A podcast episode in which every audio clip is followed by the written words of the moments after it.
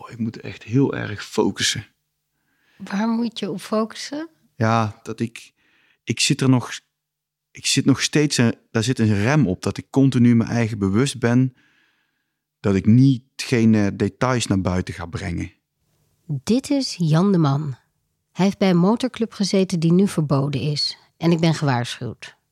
Deze mannen weten hoe ze moeten afpersen. En kunnen makkelijk mijn keeltje dichtknijpen als ik iets over ze naar buiten breng waar ze niet blij mee zijn. Ja, ik weet niet wat daar eh, nog meer besloten is in de tijd dat ik daar weg ben. En misschien is er een, een nieuw beleid gemaakt. eh, eh, en dan, eh, dan, gaan ze, dan, dan kunnen ze moeilijk gaan doen. Dan kunnen ze me, dan kunnen ze me het moeilijk gaan maken. Dat zou zomaar kunnen in theorie. En kijk, ik ben alleen hè. Dus eh, ja, ik heb geen achterban eh, of zo. Dit is aflevering 3 van De Wereld van Jan de Man. Jan zat diep in de drugscriminaliteit, zat aan tafel met de zakenmannen van die wereld en wist wie de psychopaten waren waar je voor uit moest kijken. Hij heeft die wereld nu achter zich gelaten. Maar hij is er nog niet vanaf. Ik vertel zijn verhaal, maar ik wil hem niet in de problemen brengen. Dus op het moment dat ik een alarmerend bericht van hem krijg, net als de eerste uitzending de lucht in is gegaan, bel ik hem direct op. Hey Romane. Hey, hoe wist je dat ik het was? Ja, joh. Hey, niemand anders die eh, belt mij. Dus ja, kan er maar eh, eentje zijn natuurlijk. En dat ben ik. ja, Hey, hoe is het? hoe is het? Goed, Ja. goed. En met jou? Ja, goed. Dan begin ik over het bericht dat Jan mij stuurde. Waarin stond dat hij met buikpijn naar bed was gegaan en met moeite kon slapen. Ik dacht dat we alles goed hadden doorgesproken en dat zijn situatie door deze podcast niet in gevaar zou zijn. Na dit bericht weet ik dat niet meer zo zeker. Nou, ik had toch, eh, ook als we zo praten, dan, dan is het zo, eh, dan, eh, ja, zeg, ik zeg, dan is het zo intiem tussen twee personen. Ja. Maar dan, dan gaat het de wijde wereld in, zeg maar, hè. En dan kan iedereen gewoon luisteren. En, en, en, en er zijn gewoon mensen die weten, ook door het tijdspad eh, wat verwoord wordt, dat het gewoon om mij gaat. Ja. En waar ben je dan, wat, wat is het dan waar je buikpijn van krijgt? Van het feit dat ze meer over je te weten komen of dat ze het tegen je kunnen gebruiken? Ja, ja. Ja, dat tweede. Omdat je Dus daar, je- omdat je gewoon niet te koop gaat lopen met, eh, met die dingen. Dat is gewoon, dat moet altijd in de schema blijven. Ik moet zeggen dat die eh, acteur, die is echt gewoon, ja, die is wel goed, ja.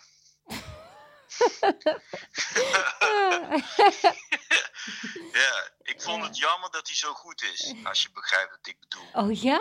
Omdat je dan Ja. zoiets hebt van, kut, ik lijk het net. Ja, Ja, ik dacht, ook na ons vorige gesprek, eigenlijk dat het enige dat zou kunnen gebeuren is dat als jij iets naar buiten brengt over de club, dat alleen maar dat consequenties kan hebben en je brengt helemaal niks naar buiten over de club. Dus daarom dacht ik, eh, in, eh, eh, was ik in de veronderstelling dat, dat het echt veilig was. Ja, ja, echt veilig is het natuurlijk nooit. Zelfs nu niet dus. Nu Jan niks meer weet van wie er samenwerken en welke grondstoffen er klaarstaan om verplaatst te worden en waar de drugslabs zijn die de politie nog niet kent. Regelmatig worden de nieuwe drugslabs ontdekt. Zo ook op de boerderij van de schoonouders van Anneke. En de opa die had geitjes lopen en een moestuin en kersenbomen en appels. En we zeiden, opa en oma hebben samen daar een paradijsje. En dit paradijsje staat in het buitengebied in Brabant. En de zoon van Anneke, Arjan, ging regelmatig bij zijn grootouders op bezoek. Dus een beetje spijtjes doen, dat soort dingen. En dan ging je samen met oma ging je het eten klaarmaken. En dan ging opa, die ging dan even een krop andijvie halen. Of hij ging de boerenkool halen. En dat, zo, zo ging dat altijd. Ja, we hebben echt een, wel eens wekenlang andijvie-stampot gegeten. Omdat we dan, de andijvie die kwam dan van, Ja, eh, van was zijn... bij. Als de boontjes waren, waren de boontjes. nou, heerlijk. Lekker vers van het land. Dan zei hij, onbespoten, biologisch, zei hij dan. en dat is ook, ja. Zo verstreken de jaren. En opa en oma werden ouder en konden op een gegeven moment het onderhoud van de boerderij niet meer aan. En net toen ze wilden verhuizen, werd opa ziek. Hij had prostaatkanker. En mijn opa zei altijd, ik plant een boom en boompje groot, plantertje dood. Het paradijsje was nog altijd prachtig en stond vol in bloei toen opa overleed. Maar wat moest er nu met het huisje gebeuren nu het plantertje dood was? Ja, toen was het even de- vraag van, ja, wil iemand dat of gaan we het verkopen? En toen eh, was het eigenlijk ook wel voornamelijk vanuit mijn aandringen Ja. dat, we, dat dat huis is gekocht. Ik vond het oprecht een leuk plekje om te gaan wonen later. Later. Dat zou zijn over een jaar of twee, als Arjan klaar zou zijn met school. Tot die tijd zouden ze het verhuren. Eerst hadden ze vrienden gevraagd, daarna kennissen, daarna mensen uit de buurt. Niemand wilde of kende iemand die in het paradijsje wilde wonen. Daarom namen ze uiteindelijk een makelaar in de hand.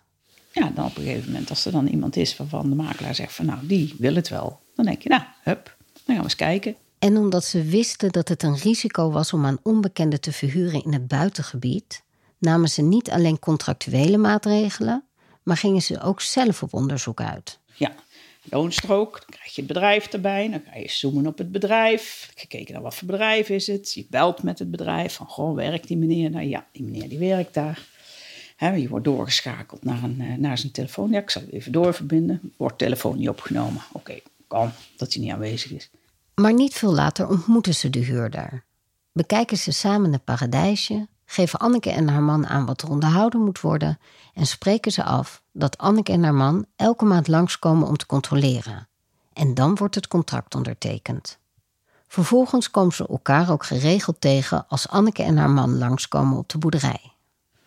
Dus dan hebben we dat gewoon maandelijks gedaan. Ook aangekondigd via e-mail en via sms. Een eh, boomgaard is erbij, dus fruit werd er regelmatig gehaald door ons en door vrienden. En, eh, ja, er was regelmatig volk op het erf. En er stond ook zo'n hele mooie buxusbol voor aan de weg.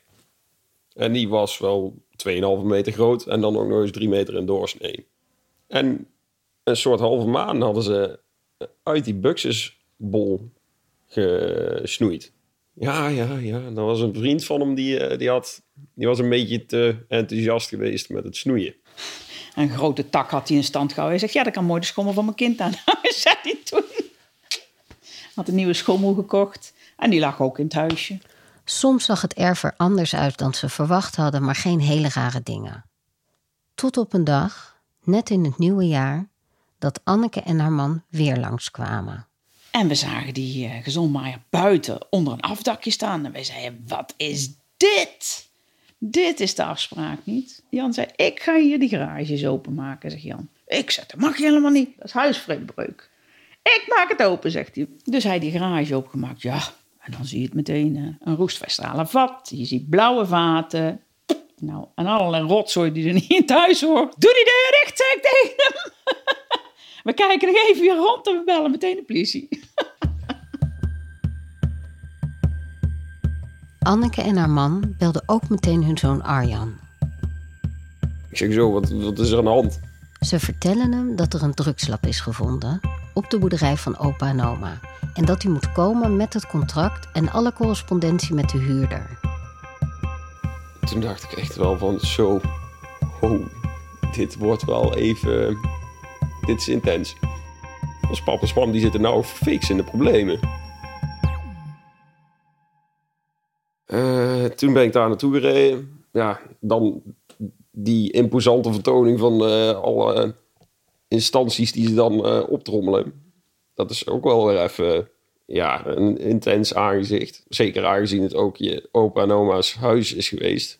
Het huis van opa en oma staat vol in de schijnwerpers. Het is afgezet met rood met wit lint en er lopen mensen in uniform rond. Ja, je bent in één keer sta je in contact met de onderwereld. Je, de hele veiligheid die die, die die plek bood, dat is in één keer weg. Ja.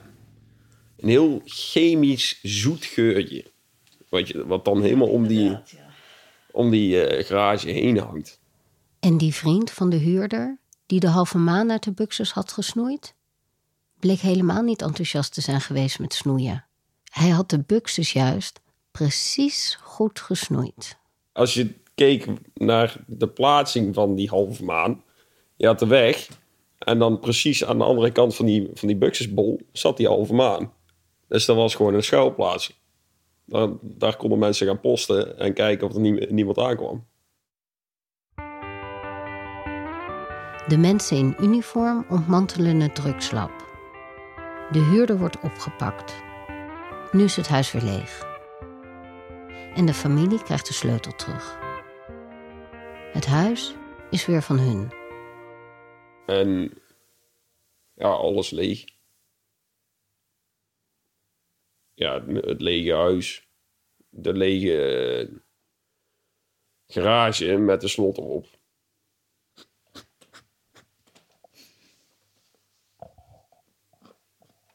En dat het dan juist op jouw plek gebeurt, Ja, dat- nou, daar breek je van. omdat ik nooit heb beseft dat de herinnering ook leeg is. Ja. En eigenlijk alles.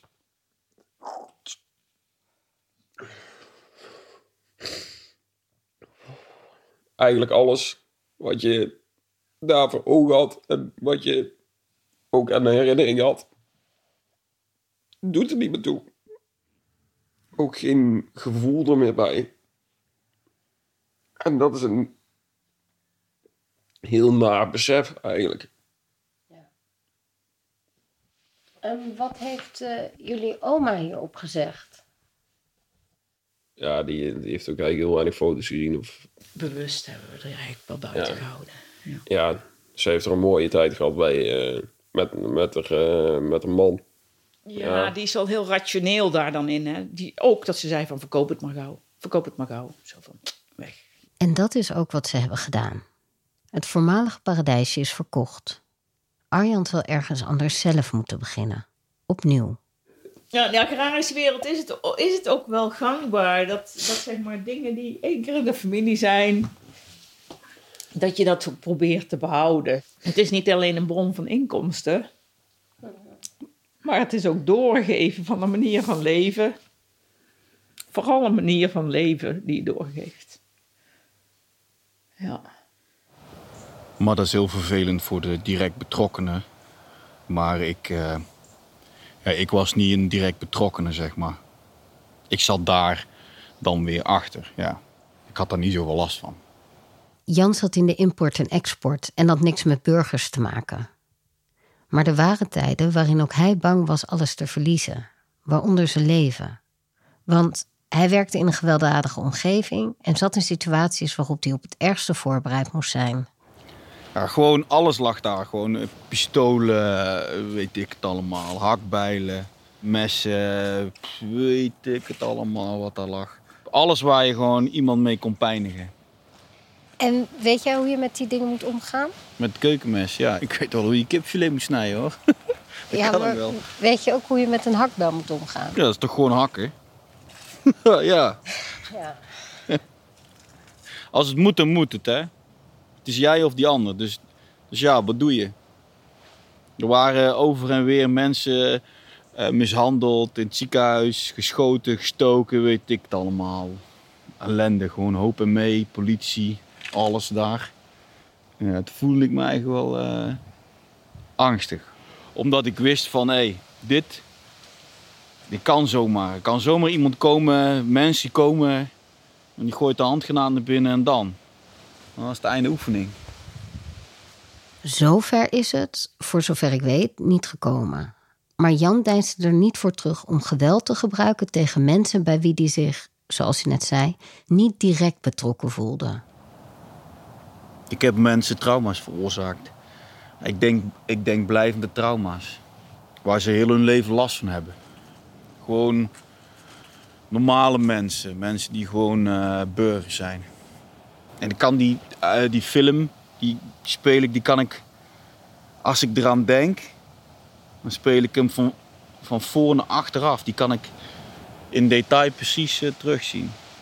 Die angst vooral bij, bij de mensen. Oh. En dat blijft me achtervolgen. Ja, zo'n Mogol eh, was je ook, zo'n idioot die over lijken ging. Daar heb ik spijt van. De rest niet, de rest echt niet. Dat is gewoon... Ik was gewoon een andere persoon. Zo gaat het in het leven. Maar die mensen, die, die waren gewoon op de verkeerde plek. Op de verkeerde tijd. Wat Jan toen gedaan heeft, was zo erg dat hij ervan overtuigd was dat de politie hem zou komen halen. Nee, ik was alleen maar bezig met. eh, met eh, Oké, hier ga je een lange tijd voor weg, ja. Ik was ervan overtuigd dat ze me kwamen halen. Toen had ik dus. Had ik van die typische eh, bedlichtdagen. Dat, dat is dan van maandag eh, op dinsdag. Ik dan dinsdagochtend om, om vier uur s'nachts uit mijn raam kijken was. Ja, dat heb ik een tijdje gehad, ja. Dat is niet prettig. In, het begin had ik daar wel slapeloze nachten van. Ja. ja. In mijn hoofd zie ik Jan met een lichaam vol adrenaline wegrennen van het plaatsdelict. En ik vraag me af, is hij nu een van die psychopaten geworden? Een wous? Want met zoveel angst en stress valt niet te leven, dan knapt er iets. Bij Jan in ieder geval. Als ik uit het huis ging, dan, dan... Ik heb van die boeken op tafel en die moesten dan precies in een bepaalde richting eh, eh, langs die kant zijn. En dan wc-papier gewoon echt drie velletjes naar beneden hangen en dan niet meer. En gewoon dan mijn tandenborstel gewoon...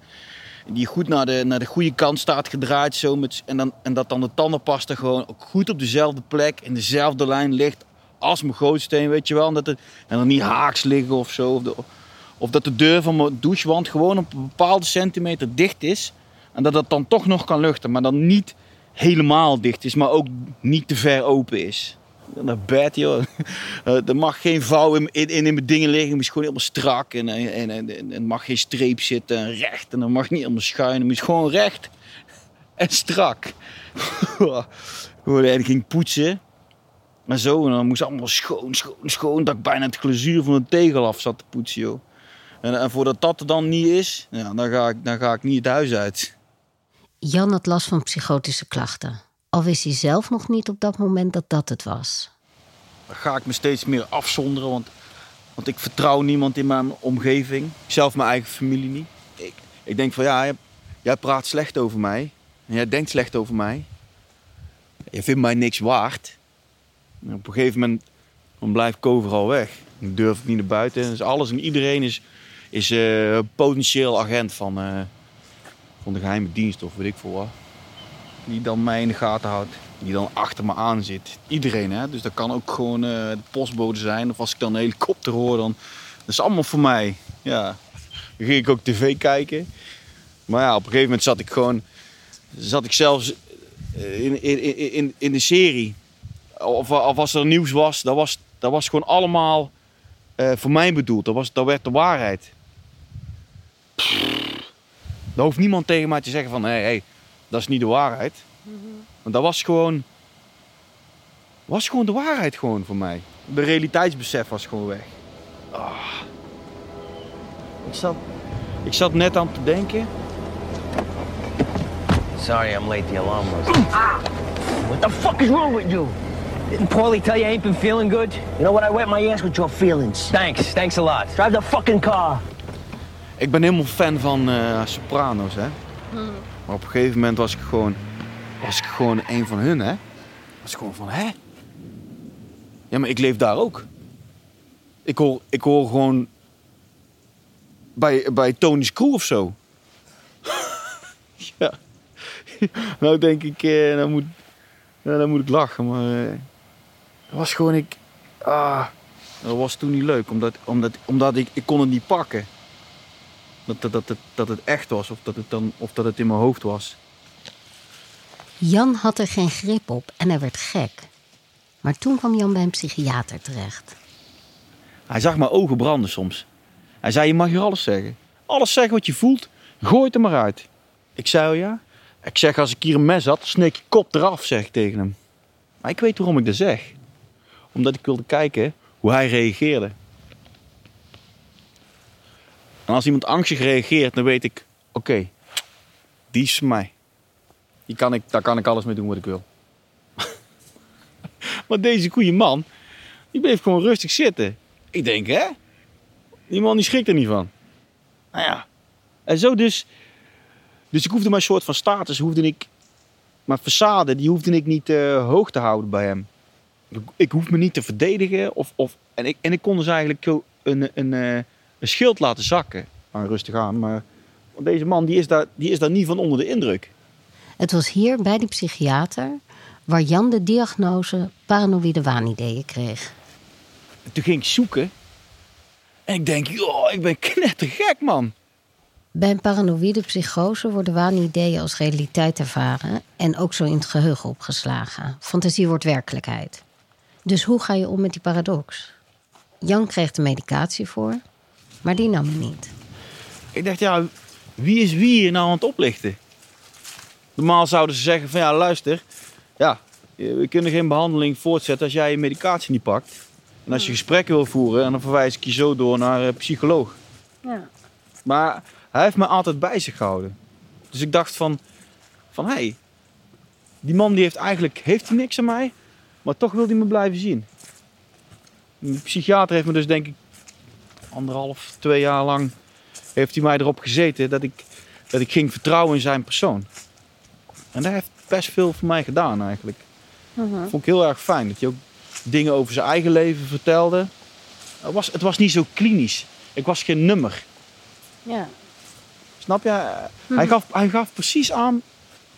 Luister, jij leeft in zo'n hoge mate van stress. Jarenlang, jarenlang. En je hebt het zelf niet in de gaten. En dat is de reden waarom je tegen die muur op aan bent gelopen.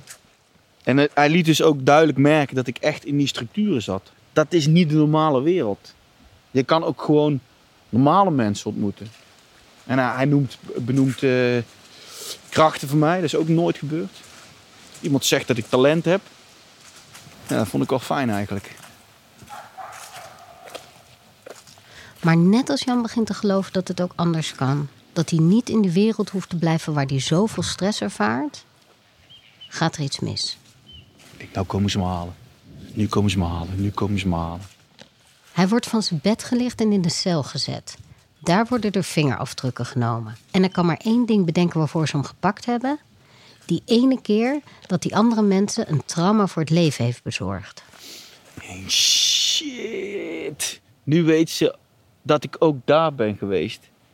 Dit was zo'n, dit is zo'n cowboy manoeuvre geweest. Zo in de picture. Dit kan gewoon niet dat hier geen eh, bewijzen zijn richting mij. Ook al had ik het heel goed afgekaderd. Maar terwijl hij daar in de cel zit, gaat er ook iets anders door zijn hoofd. Waarvan hij niet verwacht had dat het zoveel impact zou hebben. Ik moest die dag daarna moest ik eh, mijn zoon van school halen. En toen was het enige waar ik aan dacht, shit, fuck man, waarom, waarom, eigenlijk dacht ik van, eh, shit, waarom heb ik eigenlijk, heb ik een, eh, waarom, waarom heb ik eigenlijk een zoon? Echt zo, echt een hele stomme gedachte, maar op die momenten dacht ik dat. En ja, zeg maar, je hebt geen mogelijkheid om, eh, tot communicatie. Hè? Pas, pas nadat, nadat jij in, in verzekering bent gesteld en dan de dag daarna, dus de ochtend daarna, dan moet je voor verhoor eh, eh, komen dat je een advocaat eh, kan spreken. En uiteindelijk ergens in de, in de, in, eh, in de middag of zo, ja.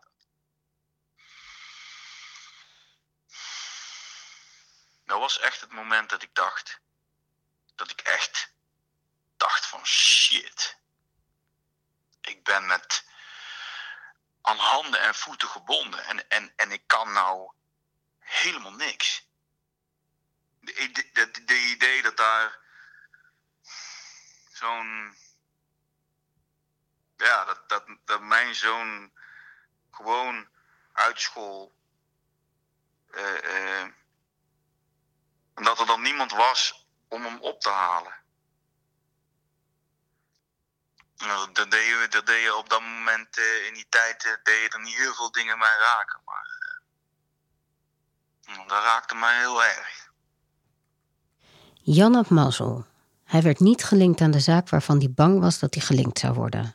Hij werd vrijgelaten. Dit was het moment waarop hij wist. Ook al wil ik eigenlijk geen afscheid nemen van dit leven, ik moet. Maar dat betekende niet dat hij er zomaar uit kon stappen. Mijn leven is nu... Hoe krijg ik dit ooit verkocht aan de jongens waarmee ik omga? Hiermee bedoelt Jan de jongens van de motorclub. Want die club voelde als een soort familie. Kun je afscheid nemen van je familie? Willen zij afscheid nemen van jou? Het was net zo'n hechte club als met de portiers. Ook echt zo hecht. Ik hoefde me niet druk te maken dat er iets met mij gebeurde, want dan stond ik er niet alleen voor. Het begon ermee dat hij eerst een half jaar werd ontbonden, vrijgesteld van verplichtingen. Toen dit half jaar voorbij was, vroeg Jan een gesprek aan met de hoogstgeplaatste van de club. Daar zou hij vragen of hij eruit kon stappen. Was je gespannen? Ja, zeker was ik gespannen, zeker. Ja, dat was een van mijn spannendste momenten in mijn leven, ja, dat kan ik je wel vertellen. Ik weet ook niet wat de reactie eh, zou zijn binnen. Ja. Was spannend. Was spannend, ja. Dat is ook niet vreemd, want op good standing de club verlaten, dat je als je de club verlaat met rust gelaten wordt, gebeurt niet elke dag. Ja, ik zie voor me hoe het ook anders eh, zou kunnen zijn. Of hoe het ook anders kon zijn, want dat is ook gebeurd. Dus dat. Maar daar ga ik niks over vertellen. Maar het was wel om die reden dat je een voorzorgsmaatregel had genomen. Maar mijn auto stond daar aan de andere kant van het pand. Met, eh, met zijn neus naar de rijrichting. Dus stel dat ik daar dan gewoon eh, weg moest. Dan hoefde ik niet in een... eh, zeg maar, in, in- hoef ik niet achteruit. Dan kon ik daar gewoon meteen weg. Daar was ik al mee bezig, ja. Ja, dus spannend. Was spannend.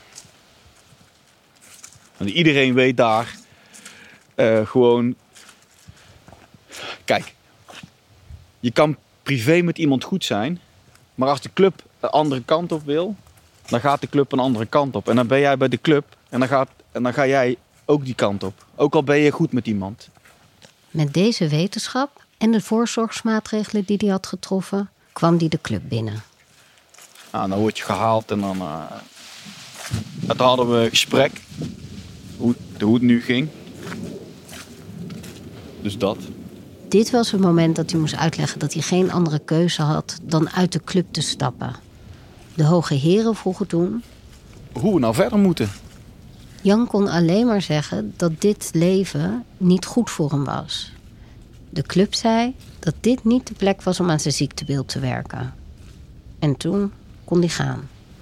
Ik weet de gang vandaar naar mijn auto, die weet ik nog geen eens meer.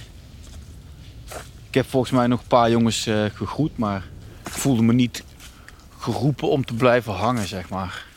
Nee. Dus dat heb ik ook niet gedaan. Wat was het moment dat het omklapte en dat je dacht: wacht even, ik hoef hier niet weg te vluchten en direct in mijn auto weg te rijden? Wanneer dat was?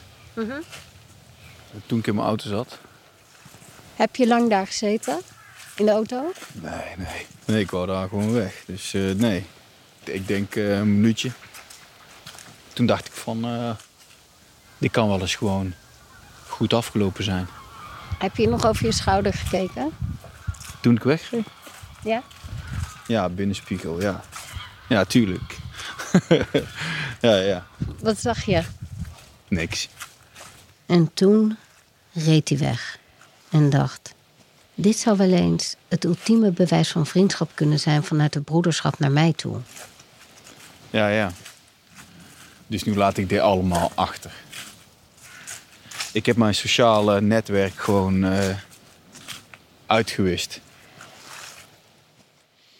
Elke keer als ik iemand die meer van motorclubs weet vertelt dat Jan eruit is, krijg ik grote ogen en een open mond. Mensen kunnen haast niet geloven dat het kan. Dat is uniek hoor. Ja, dat is uniek. Uniek eh, eh, om, om deze reden. Ik heb nog nooit gehoord dat men om deze reden eh, toestaat. Want graag heeft men gekke mensen eh, in zo'n club, want die kan men alles laten doen. En dan als er straks ooit iets uitkomt, dan heeft men toch een reden om te zeggen van, maar dat kwam omdat hij zo in elkaar zit. Dus die hebben ze nodig. die absoluut eh, meelopen en eh, in het kader van beveel is beveel gewoon uitvoeren en verder zich niks afvragen. Henk Tromp. Op de een of andere manier ben ik toch weer bij Henk Tromp, ex-chef recherche Oost-Brabant. Hij stelt vragen die ik mezelf eigenlijk ook afvraag. Maar als iemand anders ze letterlijk stelt, moet ik wel antwoord geven. De vraag nu is: waarom laten ze hem gaan terwijl hij juist in een staat is waar ze wat aan hem hebben? Dus misschien heeft hij wel de opdracht om op die manier Ja. positieve verhalen voor de, voor de club eh, te doen, gelet op eh, de negativiteit die er eh, momenteel heerst. Eh, motor, die motorclubs die zijn als geen andere in staat om imagoverbetering, goodwill, eh, te promoten. Je ziet het dat ze naar ziekenhuizen gaan en met kindjes op de motoren. eh, overal bij goede doelen, bepaalde goede doelen laten zich zien. In de lokale gemeenschap gaan ze met invalide rijden om. Nou, dus ze zijn in staat om. Nou, misschien is hij zo'n vol uitgeschoven post. Het zou kunnen, hè? Het zou kunnen, ja. Alleen ik kan het niet hard maken. Hij heeft namelijk niks verteld over de club, waardoor ik denk: ach, best aardige jongens. Eigenlijk heeft hij helemaal niks over de club verteld. Alleen dat hij de broederschap miste. Dus hoezo vooruitgeschoven post? Mensen doen niet iets voor niets. Dus dat wil zeggen, er is altijd een belang.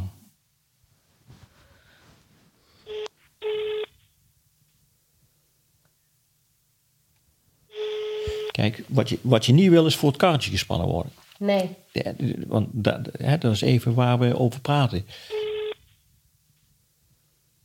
Ik bel Jan. Nu heb je twee afleveringen geluisterd. En je hebt me aan het begin al een keer gezegd van... Ja, ik wil gewoon niet dat er zo'n zwart-wit beeld eh, komt over, eh, over, over, over die wereld.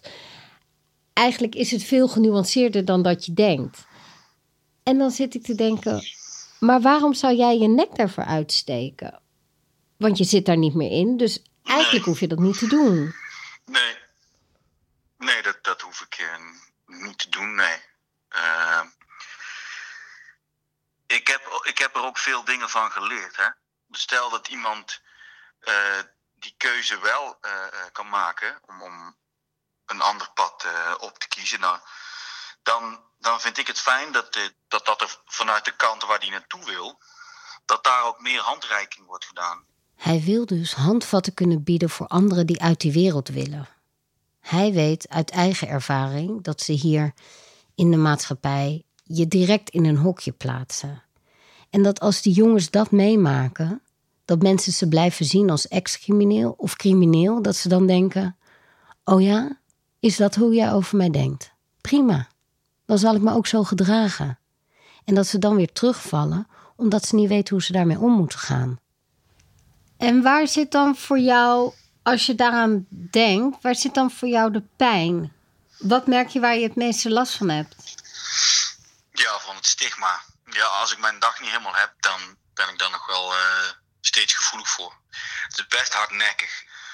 Eh, en het doet wel eh, zeer dat je, je... Je ziet soms nog blikken van mensen.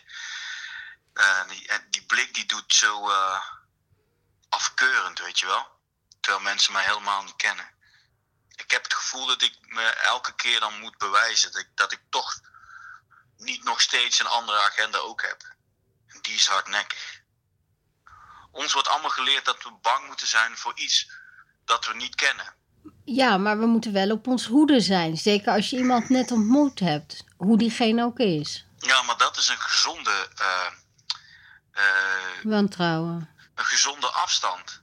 Natuurlijk moet dat groeien, maar soms ben ik al gedisqualificeerd door iemand terwijl ik nog geen kans heb laten zien. En, en het lijkt heel erg, hoe noem je, hoe noem je dat? Eh, bijna een zielig verhaal, maar het is gewoon keihard. Ik ben geneigd om hem te geloven. Maar Henk Tromp, Er hangt veel van af van zijn verhaal in, in, ten opzichte van zijn persoon. Hè, want het is niet voor niks dat hij geheim moet blijven wie, eh, wie- wie- hoe zijn identiteit eruit ziet. Dus eh, er is een enorm risico voor hem. En wanneer wil iemand een bepaald risico aangaan, dan moet er ook iets tegenover staan waardoor je dat redelijkerwijs zegt dat is het waard. Ja. Ja, overtuigend is het voor mij nog niet, het argument ja, wat ik jou hoor uitspreken. Eh, en mensen kunnen soms heel overtuigend zijn, hè? vergeet dat ook niet.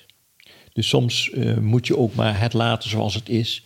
En jouw belang, eh, en dat is deze documentaire maken, laten privileren. Wat, eh, da- daar is ook niks mis mee, overigens.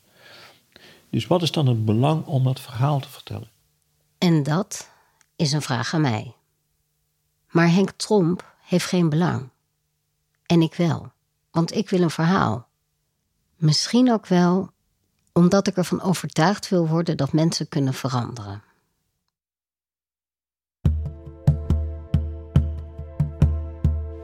Ze zien ons al aankomen in de normale wereld.